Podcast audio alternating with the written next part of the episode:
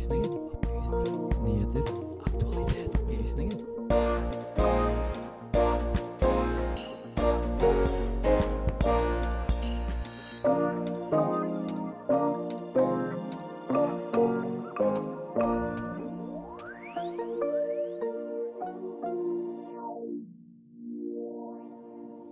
Er det for dyrt å være singel?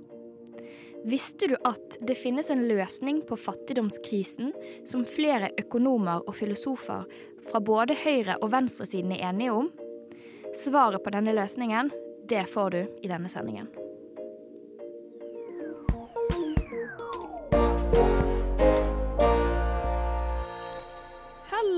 Hallo, kjære lytter, og velkommen tilbake til Opplysningen. Eh, ditt favorittprogram på fredagen. Nei da, forhåpentligvis. Eh, mitt navn det er Lise Benus, og det er jeg som har den store ære av å føre deg gjennom denne eh, smekkfulle sendingen, hvor du òg skal få lov til å høre to av mine favorittsaker som jeg har klart å skrape fram fra arkivet vårt. Men jeg slipper å gjøre det her alene. Jeg har med meg to flunkende nye mennesker. Ikke nødvendigvis til Radio Nova, men her i studio på Opplysningen i hvert fall. På min venstre side, har du lyst til å introdusere deg sjøl? Hallo, hallo. Jeg heter Ulrikke. Jeg er helt flunkende ny, det er riktig. Jeg har ikke vært med på noe i Radio Nova før, så jeg gleder meg til denne sendingen. Og så har jeg på min høyre side Ingrid eh, Karoline Karlsen, som også er i Studentnyhetene. Men i dag er jeg vikar her på Opplysningen, og det er, gleder jeg meg helt ekstremt mye til. Og det er så kjekt å ha dere begge to her i studio. Har dere hatt en fin morgen? Ja, jeg har fått i meg kaffe, så da har jeg hatt en fin morgen. Jeg har fått i meg eh, Monster type grønn, så da har jeg også en eh, fin morgen. Det er noe jeg alltid drikker til frokost, gjerne. Eh, Til fortvilelse av min eh, kjæreste. Eh, Monster type grønn. mm, Det er veldig gøy. det er viktig at det er grønn. Er veldig, veldig viktig å spesifisere det òg. Men hva smaker egentlig den? En eple-pæresmak. Oh. Eh, Det er dessverre den eneste jeg liker, så det blir veldig eh, Det blir kun den, da. Men ja. de andre drikker jo kaffe som regel, så jeg ser litt ut som en åttendeklassing. på, Men, men jeg jobber med, jobber med kaffen, da. Ja ja, jeg føler den. Jeg er sånn person som drikker kaffe, men ikke fordi jeg liker det. Jeg syns ikke det smaker godt. Jeg vil bare ha liksom den kicken. Så Mm. hvis jeg får velge, så velger jeg da fort Monster type hvit. Ikke sant? Det hadde Jeg- var jeg på før. Var på det kjøret før. Er det her lingo vi har begynt med? Monster type hvit, monster type grønn, liksom. Det er veldig gøy. Ja. Ja, ta det seriøst. Ja, ja, ja. Mm. Hva syns dere om været i dag, da? Det er jo vått, eh, men jeg liker det fordi det betyr at ting begynner å smelte. Kanskje i morgen er det sommer allerede, så ser vi gresset. Det er liksom, Der er mine forhåpninger med en gang. Ja. Ja. Ja, jeg manifesterer veldig vår, jeg nå. Ja. Så jeg håper dette er et eh, tegn om at det er rett rundt hjørnet. Forhåpentligvis. Jeg begynner å bli ganske lei. Ja. Mm. ja, jeg begynner å bli ganske lei, men samtidig så syns jeg ingenting om det været her. Jeg syns det er så jævlig, for å si det på pent norsk. Altså, det er liksom sånn går, altså, Rett før jeg går ut, så får jeg en melding fra kjæresten min, og er en sånn Hei, du, det er kjempevått ute, by the way. Jeg bare, ah, deilig. Så jeg har faktisk med meg ikke ett, men to par sokker. Bare i Lurt. tilfelle at jeg blir våt. For det er ingenting som er verre enn våte sokker i våte sko, syns jeg. Ja, jeg trodde du skulle si nå har jeg med meg to paraplyer, eh, og det er kanskje litt overkill. Det er kanskje litt overkill. Ja. Det, jeg er ikke så bergenser, liksom. Men eh, det kan vi ikke gå for mye inn på, for da blir det for stor politisk diskusjon. Og jeg skal tross alt prøve å være litt nøytral. Opplysningen. Vi tar opp alle de nyhetene, sakene og debattene andre overser. Aldri redd, alltid balansert. Og nå, girls, er dere klare? Nå skal jeg stille dere et spørsmål. Hva Hvis du hadde fått 10 000 kroner i måneden bare for å liksom leve, hva hadde du gjort med de pengene da? Oi. Ja. Det er et eh, godt spørsmål. Eh, I tillegg til uh, lønn, da? ja, altså Hadde du sluttet i jobben din, for eksempel? jeg tror nok jeg hadde Jeg hadde slutta jobben min, og så hadde jeg fokusert mer på å bli en god student. Så hadde jeg hatt mer tid til å faktisk gjøre det man skal gjøre på studiet. Ja, Hvis man er student, ja, så er det kanskje lurere å Da har man mulighet til å slutte jobben, da. Det er jo veldig mange som eh, mener at man heller burde fokusere 100% på studiene enn å jobbe. Mm. Så det er mange som hadde gjort det, tror jeg. Um, så hvis jeg er student, så hadde jeg nok kanskje slutta i den eh, Jeg har jo ikke jobb, da, men slutta i den hypotetiske jobben jeg hadde da, eventuelt hadde. Mm. Så tenker dere på en måte at eh, hvis man hadde fått penger, eller gratis penger, så hadde folk kunne fokusert litt mer på det de har lyst til å fokusere på, istedenfor bare å jobbe for å komme seg gjennom hverdagen? Absolutt. Jeg er veldig tilhenger av eh, jobbe mindre, leve mer. eh, eh, der man kan kose seg med hobbyene sine, familier og familien og Familier, faktisk. Kan man ha flere familier. Og vennene sine. Eh, men Alle familiene mine. Ja. Mm. Mange, mange konstellasjoner nå i det moderne samfunn. Ja, for så vidt. Ja. Mm. Jeg tror um, man hadde hatt tid til å bli en bedre borger, helt ærlig, hvis man hadde fått bare litt penger. Eh, for da kunne du ha liksom hatt mer overskudd til å fokusere på å gjøre noe ut av det, liksom. Mm. Med mindre Ja. noen hadde brukt det på noe fælt, da. Ja. Noe ulovlig. Nei. Det hadde det kanskje vært eh, kanskje argumentet mot, da. Ja, Mm. men man kan jo kanskje argumentere mot det igjen og være sånn ja, men hvis de uansett hadde tenkt å bruke penger på noe ulovlig, så hadde Mm. de jo, hvis de hadde fått penger via jobb da, for eksempel, uansett brukt de pengene på det ulovlige. Mm, noen vil kanskje argumentere Ja. for at de pengene du får eh, etter du har jobba, det føles litt mer som at du har slitt for de pengene. Så det er vanskelig å bruke det på, på tull og tøys. Ja. At du får de rett i lomma. At det er enklere å bruke det på, på ting som ikke er fornuftig, da. Ja, I gåsetegn. i, for, i gåsetegn, ja. Ja, men fordi det er jo Ja, dette her kan vi snakke langt i dag om, merker jeg. men um, Runa Årskog, vår reporter i um, Opplysningen, hun har sett på det her fenomenet med å på en måte bare få penger, som ofte kalles for borgerlønn. La oss ta en liten hør på det. Visste du at det finnes en felles økonomisk idé? Mange av historiens filosofer og økonomer har vært enige om. Fra frihetsforkjemperen Martin Luther King til nyliberalisten Milton Friedman. En økonomisk idé som kan minske sjansene for barnedødelighet, øke sjansene for at du fullfører studiet, og sørge for at kriminaliteten i samfunnet går ned. Og ikke minst regnes som den billigste måten å bli kvitt fattigdom på for alltid. Har du gjettet hva det er? Noen kaller det garantert grunninntekt. Andre kaller det borgerlønn. Og den kjente historikeren Rutger Bregman kaller det helt enkelt for gratis penger til alle. Ideen om borgerlønn har eksistert siden tidlig 1500-tallet, og har vært testet ut i en rekke mindre prosjekter. Et kjent prosjekt skjedde i London i 2009. Da bestemte en organisasjon seg for å gi 13 hjemløse menn 3000 pund i lommepenger. Helt uten at deltakerne forpliktet seg til noe. De kunne med andre ord bruke pengene på det de selv ønsket. Resultatet? Jo, etter ett år hadde deltakerne i snitt brukt kun 800 pund. De hadde brukt pengene på ulike ting som mobiltelefon, høreapparat, ordbok og kurs i hagearbeid. Etter ytterligere et halvt år var syv av 13 ikke lenger hjemløse, og to til var på vei inn i bolig. Flere av dem hadde begynt på rehabilitering, tok kurs i matlaging og hadde gjenopptatt kontakten med familien. Og kanskje det viktigste de la planer for fremtiden. Det høres jo nesten for godt ut til å være sant, men historien fra London er faktisk ikke enestående. Organisasjonen Give Away Money og Universitetet i Manchester har ved flere anledninger delt ut penger uten betingelser med positive resultater. I Uganda brukte mottakerne av gratis penger pengene på utdanning og egne bedrifter. Resultatet ble en inntektsøkning på 50% I Namibia stupte tallene for feilernæring fra 42 til 10% Skulking gikk ned med 40% og kriminaliteten gikk ned med 42% Og i Malawi økte antallet jenter og kvinners oppmøte på skole med over 40% Det finnes med andre ord en rekke prosjekter og eksperimenter som igjen og igjen har gitt samme resultat. Gratis penger fungerer. Men hvorfor gjennomføres det da bare ikke? Det handler ganske enkelt om politisk vilje. De fleste som argumenterer imot, mener at det rett og slett blir for dyrt. Men verden har aldri hatt mer penger. Og flere store økonomier i dag bruker allerede mye penger på fattigdomsbekjempelse. Resultatene fra alle prosjektene nevnt tidligere viser nemlig én ting.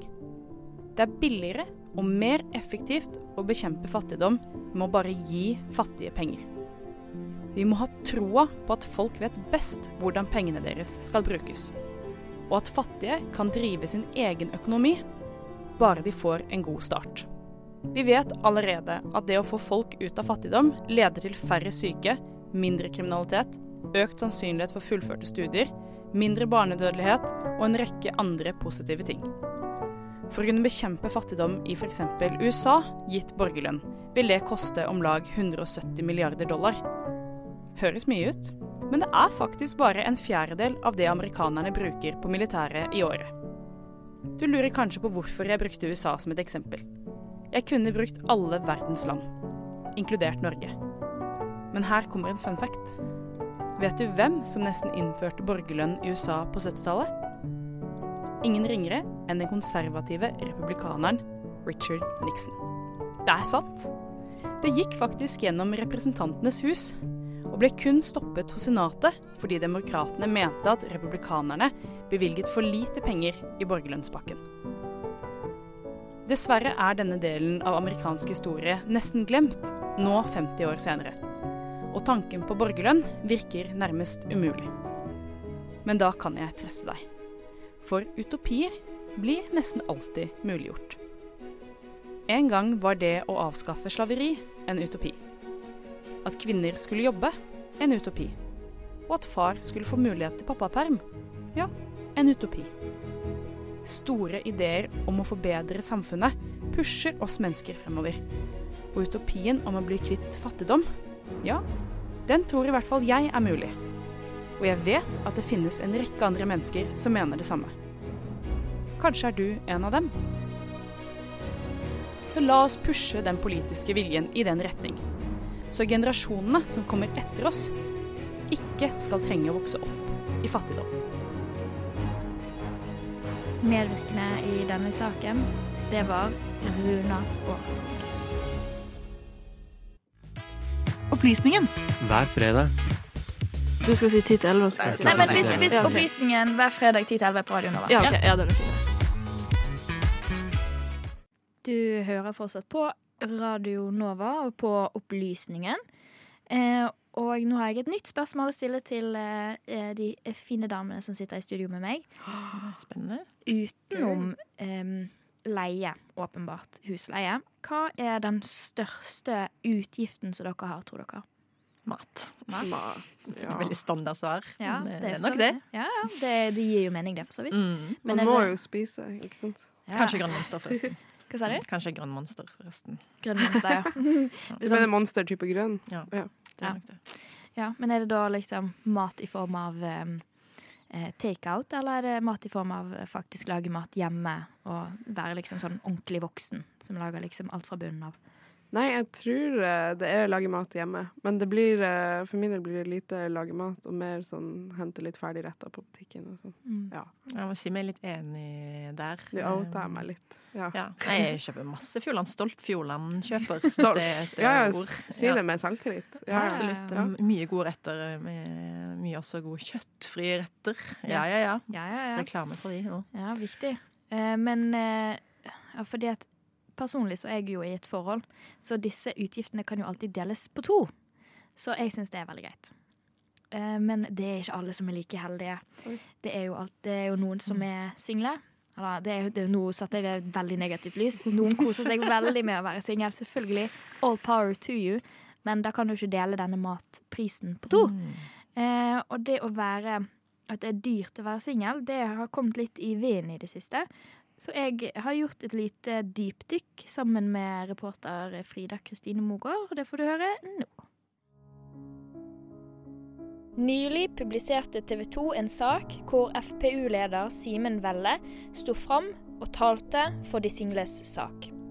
Han mener at det er blitt for dyrt å være singel sammenlignet med om man er i et forhold.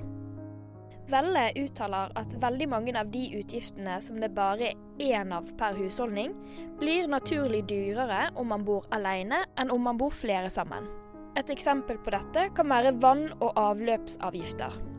Han mener at det er urettferdig at aleneboende skal betale like mye for vann og avløp som en familie på fem. Ifølge tall fra SSB bor over én million nordmenn alene. Dette tilsvarer 40% av alle husholdninger. Denne andelen nordmenn er òg voksne. Til TV 2 sier seniorrådgiver i SSB Tore Morten Nordmann at aleneboere naturligvis har lavere inntekter enn husholdninger med to eller flere voksne. Videre sier Nordmann at særlig de yngste aleneboerne er mer utsatt for å tilhøre lavinntektsgrupper enn gjennomsnittet for alle husholdninger. Dette gjøres synlig når man ser at nesten fire av ti unge aleneboere ikke klarer en uforutsett utgift på 19 000 kroner, ifølge SSB. Linda Tofteberg Eliassen, forbrukerøkonom i Sparebanken1, sier til NRK at det er ganske vanlig at man betaler mer som singel enn om man er i et parforhold. Å leie en leilighet i en av storbyene i Norge koster fort rundt 10 000 kroner i måneden. Så kommer strøm og internett gjerne i tillegg. Når det er to eller flere som deler på disse regningene, blir det naturlig nok òg billigere per person enn når man betaler alene. Jeg er personlig ikke singel, men jeg lurte på om dette var noe vennene mine òg kjente på. Derfor tok jeg med meg mikrofonen ut på gangen på Chateau Neuf og fant noen single mennesker jeg kunne spørre. Hei. Hei. Hva er ditt navn? Stian. Jeg heter Sander. Sigrun. Astrid. Eh, er du singel? Ja. Ja. Jeg er vel på en måte det, ja. Jeg er kronisk singel. Synes du at det er dyrt å være singel? Ja, altså på et vis. Eh, det er i hvert fall dyrere enn om jeg hadde hatt samboer, men det føles veldig langt unna. Men sånn Det blir jo fort at når man lager mat selv, så gidder man ikke å bruke så mye tid på å lage mat, og da går man kanskje for litt mer Foodora, og har i hvert fall ikke noen å spleise på Foodora med. Så kanskje det er litt dyrere å være singel? Ja. Nei, altså, altså de matprisene for eksempel vi har her nå. Og så Altså, nei, alt er dyrt å være alene om. Dyrt å bo, dyrt å spise. Dyrt alt. Jeg skulle ønske jeg hadde en å dele med. Eh, ja, og fordi at jeg har vært i et forhold før. Eh, det, er, det er jæskla dyrt å kjøpe mat til én person. Bo alene. Mm, det er dyr, jeg vil si det er mye dyrere å være singel. Synes du at din økonomiske situasjon er merkbart annerledes enn folk du kjenner som er i et forhold? Jeg vet. Jo, muligens at folk eh, Jeg kjenner jo folk som har samboer i leilighet, som eier leilighet. Nå er også de bedre betalte jobber enn meg, men eh, det er jo mulig at hvis jeg hadde okay, hvis jeg hadde hatt kjæreste i ti år, da. At jeg hadde fått meg kjæreste når jeg var 15, og vi fortsatt var lykkelige forelsket, så ville vi jo sikkert Kanskje jeg ville eid leilighet nå. Jeg ville i hvert fall ikke bodd i et kollektiv hvor jeg betaler 9000 kroner i leie i måneden. Ja, som for eksempel hvis man skal spleise på ting, da. Hvis du skal spleise på en bursdagsgave, så er jo jeg alltid alene om det. Mens eh, et vennepar av meg, for eksempel, telles jo ofte da som én person, de òg, men da deler de jo. Så på sånne ting, for eksempel, da. Men det er ikke noe eh, som holder meg våken om natta. Det er altså ganske likt over banen. De fleste synes det er dyrt å være singel. Men ikke alle. Synes du det er dyrt å være singel? Um, å, det er et godt spørsmål. Det har jeg ikke tenkt så mye å det er vel billigere, tror jeg. Synes du at din økonomiske situasjon er merkbart annerledes enn folk du kjenner som er i et forhold? Uh, ja, det vil jeg tro. Eh, ja, det er litt vanskelig, da, fordi på en måte de jeg sammenligner med, mista for så vidt jobben sin rett etter de kjøpte hus med sin forlovede. Og verken hus eller bryllup er vel billig. Uh, men jeg vil jo tenke det går litt Hvis jeg tenker på når jeg var i forhold òg, så vil jeg jo tenke meg tilbake på at det kosta litt mer enn eh, når jeg ikke var det. Valentinsdagen i år var ganske mye mer billig. Så hva kan gjøres for å fikse dette problemet? Velle foreslår i artikkelen på TV 2 tre konkrete tiltak for å styrke singles privatøkonomi. Den første er å øke frikortgrensen. Den andre er å innføre makspris på strøm. Og den tredje er å halvere matmomsen. FpU-lederen ønsker òg å bygge flere mindre leiligheter, sånn at single enklere kan innta boligmarkedet. Og han vil gjøre at det er mindre lukrativt å gifte seg. Til TV 2 sier Velle at han mener at ekteskapsloven i Norge er utdatert, og at det bare er tull at gifte mennesker skal få økonomiske insentiver. Statssekretær Ellen Bakken i Arbeids- og inkluderingsdepartementet avviser derimot at single har blitt en gruppe som har blitt en blindsone. Til NRK forteller hun at det er flere tiltak som er satt i gang. Unge aleneboere har ifølge hun fått bedre økonomi av både den nå økte studiestøtten på 9000 kroner i måneden, i tillegg til billigere tannhelse til man er 25 år. Utover dette trekker Bakken òg fram at den nåværende regjeringen har økt de universelle velferdsgodene, som økt pendlerfradrag, fagforeningsfradrag og strømstøtteordningen. Statssekretær Trine Fagervik for Barne- og familiedepartementet legger òg til at støtten for enslige forsørgere ble i 2023 lagt om fra et skattefradrag til økt utvidet barnetrygd. Da får altså enslige forsørgere med lav inntekt et løft på inntil 11 500 kroner i året fra 2024. Om disse tiltakene kan hjelpes til singles sak, gjenstår å se. Enn så lenge får vi som er i forhold, gi en ekstra god klem til partneren vår, og sende en god tanke til våre single venner. Medvirkende i denne saken var meg, Lise Benus, og Frida Kristine Mogård. Opplysninger på Radio Nova. Fredag fra 10 til 11. Aldri redd, alltid balansert. Kjempebalansert. Og her på Opplysningen eh, på Radio Nova så eh, snakker vi jo norsk. Wow! Wow. Sjokkerende greier. Eh, og da lurer jeg på hvilken andre språk er det dere kan? Eh, Vi snakker jo engelsk, mm. ikke sant? Det er mye engelske serier ute og går. Uh, kan tok tysk på videregående i fem år. Kan tre ord på tysk, cirka. Eh, men uh, det er det det går i. Uh, lærte meg litt spansk på Duolingo. Det har bare datt ut av hodet.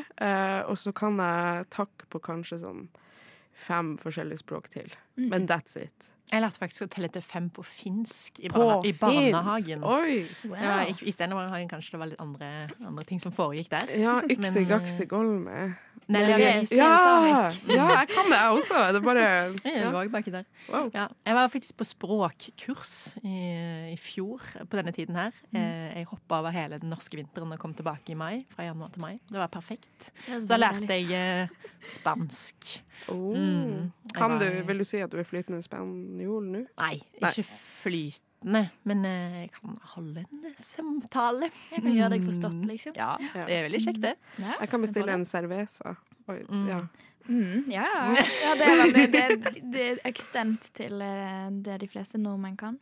Personlig så kan jeg nederlandsk. Ah, ja, for du er vel halvt nederlandsk? Stemmer, stemmer. Ja. stemmer. Ding, ding, ding. Og så kan jeg, jeg har begynt å lære meg litt sånn tegnspråk, så jeg kan stave navn Det blir veldig vanskelig å gjøre på radio, da. Men jeg kan stave navnet mitt. Det er det her.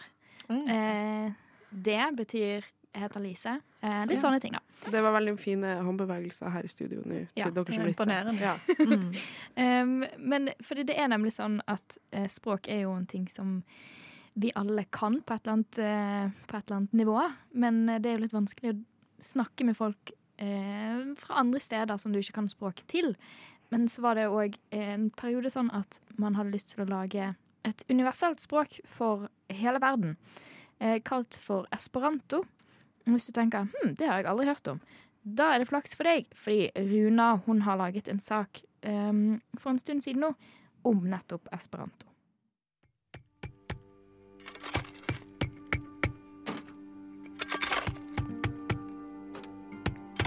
Syndefloden er over, og menneskene har begynt å samle seg.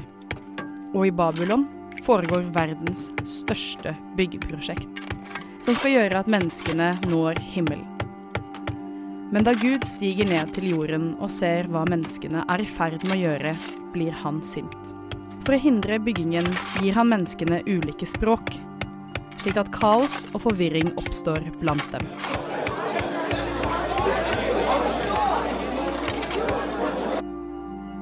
Dette var legenden om Babylons tårn, Ideen om at mennesker trenger ett felles språk for å kunne samarbeide. Og lenge etter at legenden først ble skrevet ned, har den endelig fått rotfeste. For det å kommunisere med folk på ett språk man ikke kan, er omtrent umulig. Uten kommunikasjon er vi mennesker som enkeltøyer i et hav uten noen måte å møte hverandre. Dårlig kommunikasjon kan føre til misforståelser og krangling. Når kommunikasjonen svikter, svikter selve fundamentet som gjør at vi som mennesker har forståelse for hverandre, og som skaper bånd på tvers av landegrenser. Og noen ganger kan dårlig kommunikasjon til og med føre til krig. Det mente i hvert fall Ludvig Leitzer Samenov, en polsk øyelege født i 1859. Så i 1905 skapte han derfor et språk. En samling av språk fra hele verden, som skulle bli menneskenes internasjonale språk. Han kalte det esperanto.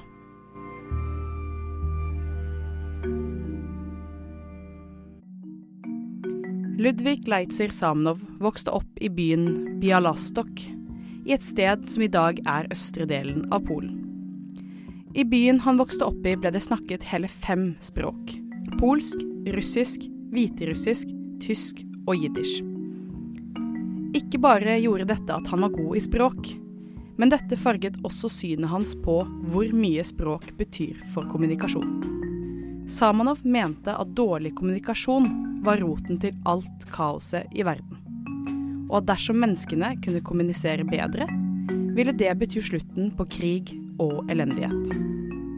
Med ett felles språk kunne vi forstå hverandre på tvers av landegrenser, historiske bakgrunner, etnisitet og religion.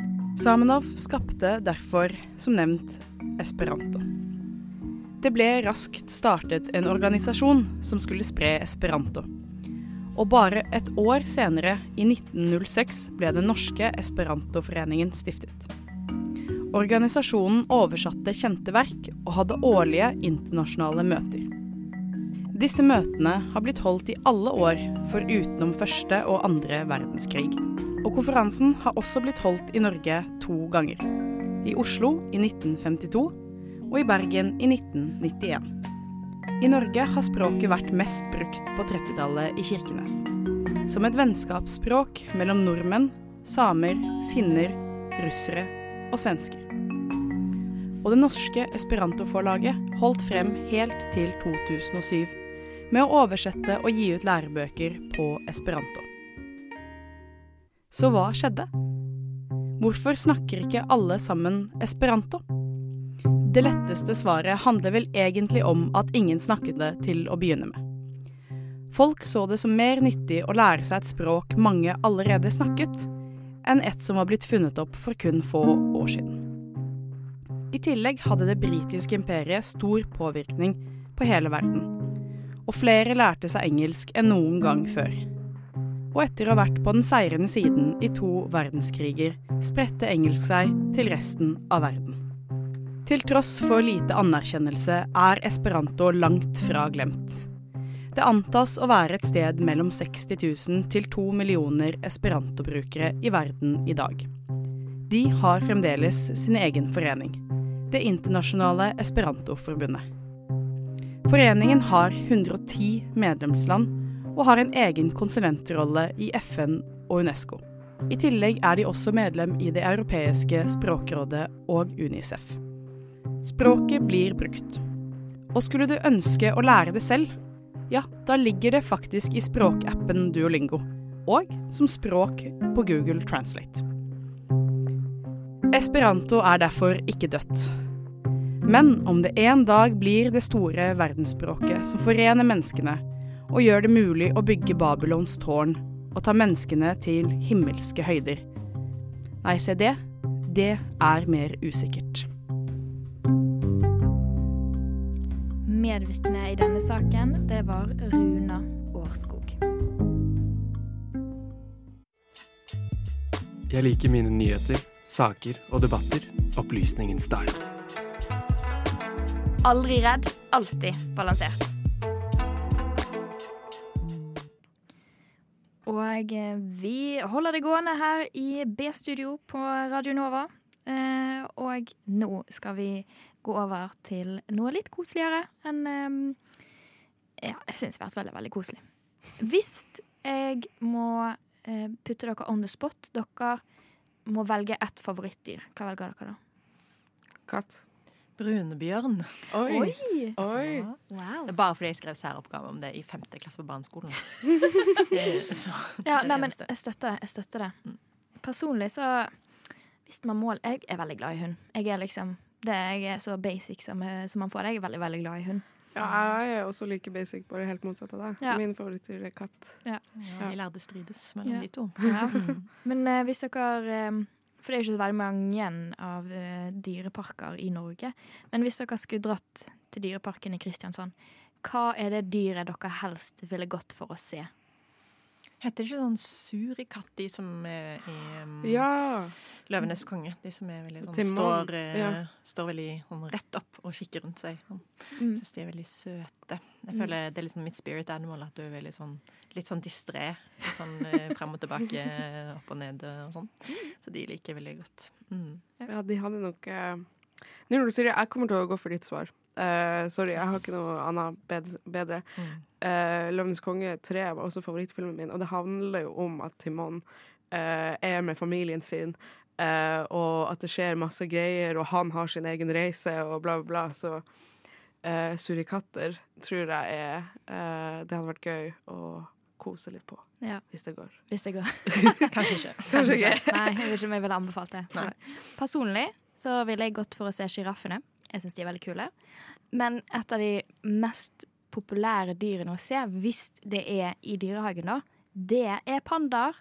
Eh, og nettopp det her med pandaer, og hvor tiltrekkende det er som i dyrehage, og ringvirkningene av det her, det har eh, legendariske Sander Zakaria laget en sak om.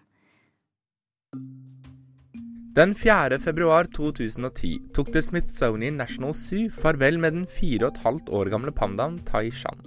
Avskjeden med pandaen født i Dyreparken i 2005 var tårevåt, men markerte også et vendepunkt i forholdet mellom USA og Kina. Pandaer er nemlig ikke bare søte bjørner, de er diplomatiske verktøy. Men før vi snakker om diplomatiske verktøy, må vi snakke litt mer om pandaen. For pandaen er også et viktig symbol. I tillegg til å være søte bjørner, har de blitt nærmest synonyme med dyrelivsvern. Pandaen finner vi igjen i logoen til World Wide Fund for Nature, eller WWF, som vi kanskje kjenner dem best. WWF er verdens største organisasjon for miljøvern, og det er ikke helt irrelevant at de benytter seg av pandabjørnen i logoen. Det brukes nemlig mer penger, tid og krefter på å redde pandaen fra utryddelse enn noe annet dyr. Og hvorfor er det så viktig å verne pandaen? Vel, biologien har ikke akkurat lagt til rette for dyrets overlevelse. Har du sett et bilde av en panda noen gang, er det stor sannsynlighet for at den pandaen spiser. For pandaer, de spiser mye. Og selv om pandaen egentlig er kategorisert som en kjøtteter, spiser den hovedsakelig planter og nesten utelukkende bambus. Men fordi fordøyelsessystemet er tilpasset en kjøttpreget diett, sliter pandaen med å ta til seg næringsstoffene i maten, og den spiser derfor mellom 9 og 14 kilo bambus hver dag for å få i seg nødvendig næring. Tar vi inn i betraktning at store deler av pandaens naturlige habitat har vært offer for avskogning, blir det vanskelig for pandaen å få maten sin. I tillegg til dette er det utrolig vanskelig for pandaer å formere seg. Det er med andre ord ikke så lett å være panda. Ifølge tall fra 2013 levde det rundt 2200 pandaer i verden. Av disse levde nesten 400 i fangenskap, hvorav majoriteten levde ved ulike forskningssentre i Kina. Der forsøker de å pare pandaene for å sikre en stødig utvikling av antall individer, for så å slippe dem fri. Men mange av disse 400 pandaene lever også i dyreparker over hele verden. Og her kommer verdien deres som et diplomatisk verktøy inn i bildet. Vi skal snakke om pandadiplomati. Med unntak av to individer med bosted i Taiwan, er alle verdens pandaer eid av kinesiske myndigheter. Og pandaene vi finner i dyreparker over hele verden, er bare på utlån. Kineserne deler ikke ut nasjonalsymbolet sitt til hvem som helst. Det er nemlig ikke tilfeldig hvem som får låne en panda. Kinesiske myndigheter låner kun ut pandaer til land som på en eller annen måte gjennomfører handlinger som gagner Kina enten diplomatisk eller økonomisk. Det kan være land de har gode handelsavtaler med, som Belgia. Land som gir dem viktige ressurser, som Australia. Eller land som på andre måter anerkjenner kinesisk politikk på verdensscenen, sånn som Finland. Og det å ha en panda er ikke direkte billig. Ifølge rapporter fra amerikanske dyreparker betaler de en årsavgift på 1 million dollar per panda, og disse pengene brukes på pandaforskning. Men hva så med pandaunger født i fangenskap, slik som Taishan? Idet pandaen fyller fem måneder, er ungene å regne som kinesisk eiendom. Og Kina kan når som helst be om å få dyret tilbake. Dessuten stiller kineserne strenge krav til behandlingen pandaene får i dyreparken. Dersom en panda dør som resultat av en menneskelig feil, kan dette by på en bot til dyreparken på en halv million dollar. Nå tenker du kanskje hvorfor skulle man da ville risikere å ha en panda? Leien for dem er dyr. Dør de, blir det enda dyrere. Og matkostnadene på pandaer som spiser så mye bambus, er heller ikke akkurat lave. Fordelen kommer i det at pandaen tiltrekker seg besøkende som ingen annen. Da Edinburgh Zoo fikk sine pandaer i 2012, rapporterte de at besøkstallet økte med mer enn 200% Det er med andre ord ganske praktisk å ha en panda. Men hva så med Taishan, som ble hentet hjem fra Washington? Hvorfor ble han det? Dette er selvfølgelig usikkert, men det er spekulert i at dette hang sammen med at Barack Obama kun noen få måneder tidligere møtte Dalai Lama til stor kritikk fra kinesiske myndigheter. Men hva så med Taishans foreldre? Lever disse fortsatt i Dyreparken? Ja, det gjør de. Og det kommer av at Kinas låneavtaler har en varighet på ti år. Så per nå kan Smithsonian National Zoo fortelle oss at det er pandaer i Dyreparken fram til slutten av 2023. Hva som skjer etter det, det spørs på hvordan forholdet mellom USA og Kina utvikler seg i tiden fram til da. For pandaer er ikke bare maskotter for Kina selv og dyrevernsorganisasjoner. De er også viktige diplomater. Medvirkende i denne saken, det var Sander Zakaria. Doktor, doktor, hva feiler det meg egentlig? Jeg beklager å måtte fortelle at du er ignorant. Ignorant, sier du? Finnes det noen kur for det? Jeg kommer til å gi deg resept på 99,3 milligram av opplysningen. Du må ta den hver fredag fra 10 til 11. Det skal jeg gjøre. Takk, doktor. Sakte, men sikkert så begynner klokken å nærme seg en hel time. Det begynner å nærme seg elleve, og vi må snart ut av studio. Oh, no. Men det går fint. Frykt ikke, kjære lytter, for etter oss så kommer studentnyhetene. Og eh, Det, det har jeg hørt at blir veldig bra sending. Ja. ja. Det har du noe å glede deg til, kjære lytter. Ja. Så Hilsen en som egentlig er fra Studentnyhetene. Ja. Liten promo, det må være lov. Så Tverrredaksjonelt samarbeid osv. osv. Har dere noen gøye helgeplaner? Oi. Uh, ikke som man kommer på med en gang. Kan ikke Ulrikke begynne? Ja, jeg skal, ha har en veldig konkret plan for i kveld. Jeg skal i bursdag, og der er det karnevaltema. Så jeg har fått i oppgave å kle meg ut som noe som begynner på min forbokstav. Så jeg er på stadig leit etter gode ideer på eh, kostymer som begynner på U, eller eh, ting å kle seg ut som. Så langt har jeg tenkt på ufo og ubåt. Oi, Eh, ja. eventuelt eh, litt mer konseptuelle ting som ufør eller Oi, uakseptabel. Det er veldig gøy. Veldig, veldig gøy. Ja, ja. Masse Du gode kan være en ugle også. Ja, Ja. mye, mye spennende som man kan være på U. Ja. Mm. Ja. Hadde tenkt litt på det, men ja. Eh, jo, jeg skal på eh, Radio Nova gangfest. Ja, Så det, det blir kjekt. Ja. Ja, ja, ja. Håper å se dere her. Ja, det får vi, vi satser på det. Se hverandre her. Det gjør vi for så vidt. Eh, men med de ord så må jeg avslutte sendingen. Medvirkende eh, i denne sendingen det har vært Runa Årskog, Frida Kristine Mogård, Sander Zakaria og meg, Lise Benus. I studio har jeg vært så heldig å ha Ulrikke Torgersen. God, sa jeg etternavnet ditt riktig nå? Torgersen. Torgersen, unnskyld. Mhm. God helg til deg. Tusen takk. God helg. Og så Ingrid Karoline Karlsen. God helg. God helg. Mitt navn det er Lise Benus. Her får du en juvel av en Nova-sang. Kongefamilien med For mye å be om beef track.